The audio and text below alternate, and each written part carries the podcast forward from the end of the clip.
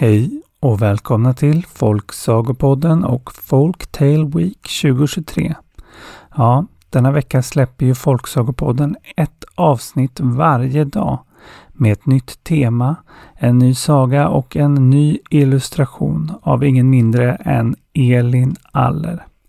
Folktale Week, det är ju en konstutmaning som folk deltar i via sociala medier under hashtaggen Folktale Week 2023. Och varje dag har ett tema. Och dagens tema det är Underground. Alltså underjord. Och eftersom jag inte är någon vidare på att rita så berättar jag sagor istället. Och på Underground-temat har jag hittat två sagor. Som båda är förklaringssagor om samma lilla djur. Och varför det just bor under jorden. Så här kommer två sagor om varför mullvaden lever under jord.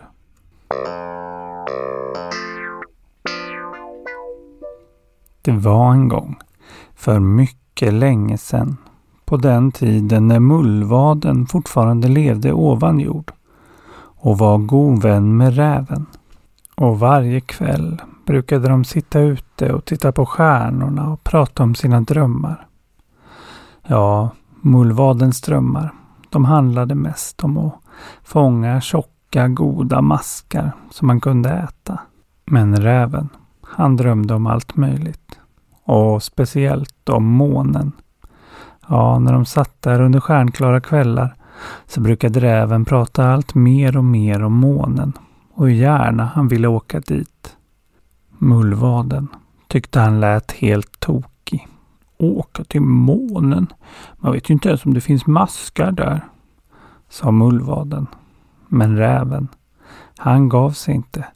Vi borde åka till månen tillsammans, försökte han övertala sin vän.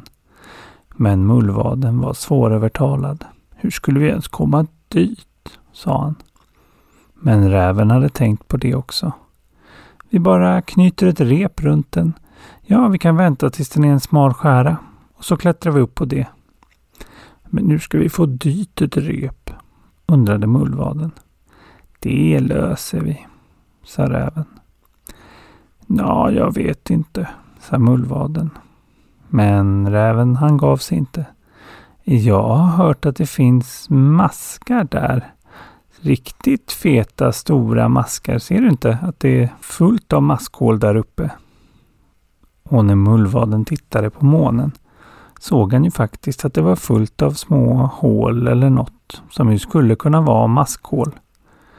Och då blev han övertalad.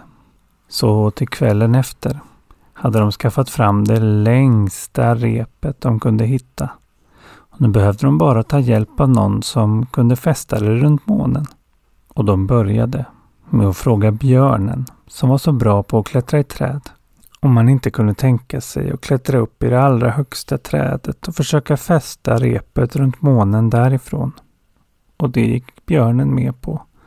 Och han klättrade upp i det allra högsta trädet de kunde hitta. När han väl var där uppe så hade han lika långt kvar till månen i alla fall.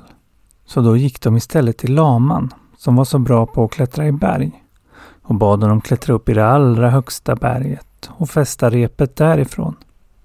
Och laman klättrade upp i det allra högsta berget men hade fortfarande lika långt kvar till månen. Hur svårt kunde det här vara? Men så kom räven på det. De gick till kondoren som kunde flyga så högt, så högt och bad den ta repet i näbben och flyga upp till månen. Och kondoren tog repet och flög högt, högt, högt. Så högt att den till slut var framme vid månen och kunde binda fast repet. Och nu skulle de äntligen få klättra upp till månen. Och först började räven klättra och mullvaden han kom efter. Och det var långt, långt, långt. Och snart var mullvaden riktigt trött. Men räven, han bara fortsatte. Skynda dig, skynda dig, ropade han till mullvaden. Men mullvaden, han var helt slut.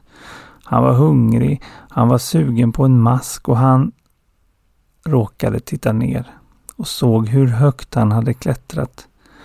Han var högre upp än någon mullvad någonsin hade varit innan dess. Och någonsin skulle vara efter det. Och han fick svindel. Han blev riktigt yr och kände hur han började svettas som sina små tassar.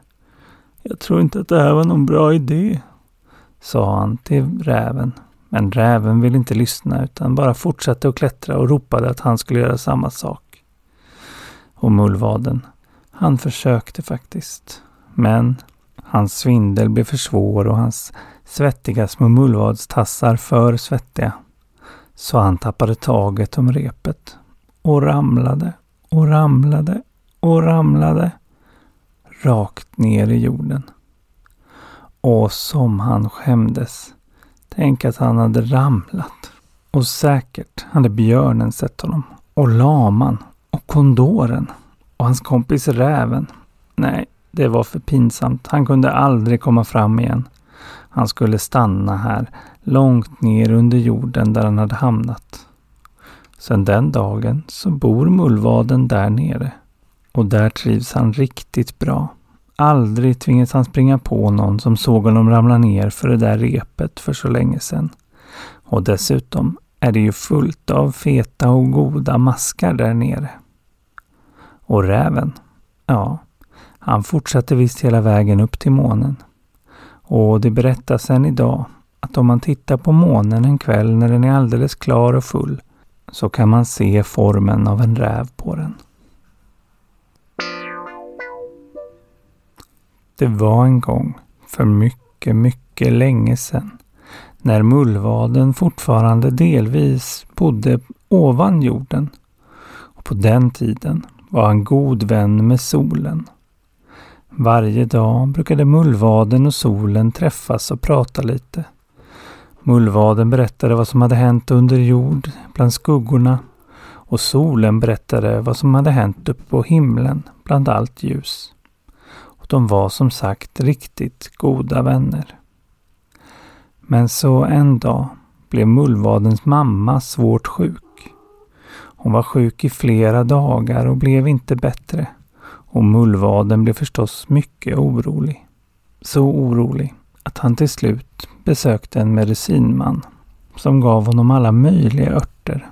Men ingen av dem hjälpte. Hans mamma blev bara sjukare och sjukare.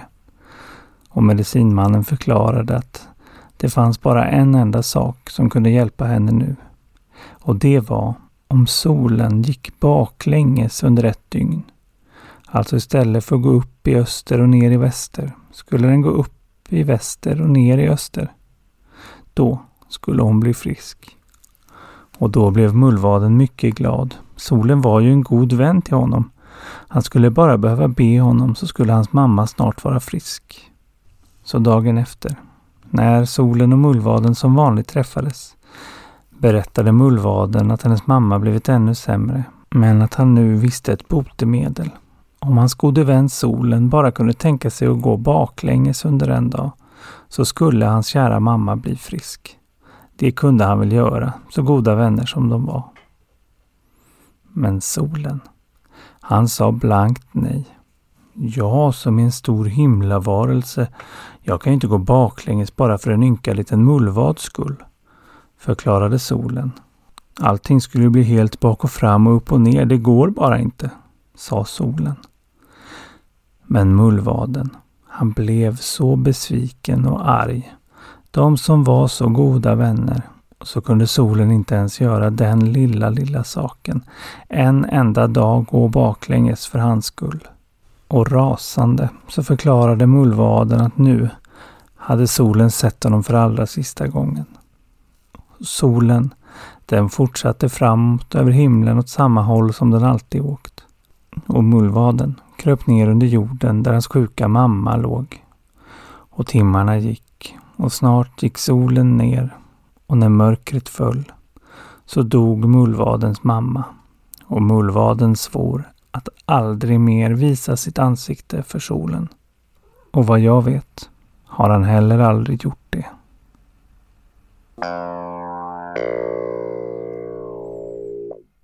Ja, där ser man. Två olika förklaringar till varför mullvaden lever under marken. Den första var från Peru och den andra från Kongo. Och även fast de var ganska olika fanns det ju vissa likheter. Ja, att mullvaden verkar ha bra kompisar, det var ju den ena. Men att han verkar ha ganska svårt att förlåta, det var den andra. Ja, i första sagan så var det ju sig själv han inte riktigt kunde förlåta. För att han hade gjort bort sig. Och i den andra så var det ju solen. Ja, det var väl förresten också en likhet. Att ingen av de där kompisarna kanske var så bra i alla fall. Men jag har i alla fall bra kompisar på riktigt. Jag har till exempel Elin Aller som alltså har ritat omslaget till det här avsnittet. Och de tidigare tre avsnitten den här veckan. Och självaste loggan till Folksagopodden. Tack till henne va. Och tack till er som har lyssnat. Men hörni, vi hörs ju redan imorgon igen. Och tills dess, kolla in hashtaggen Folktaleweek 2023. Och kolla in Folksagopodden på Instagram. Och lev lyckliga i alla era dagar.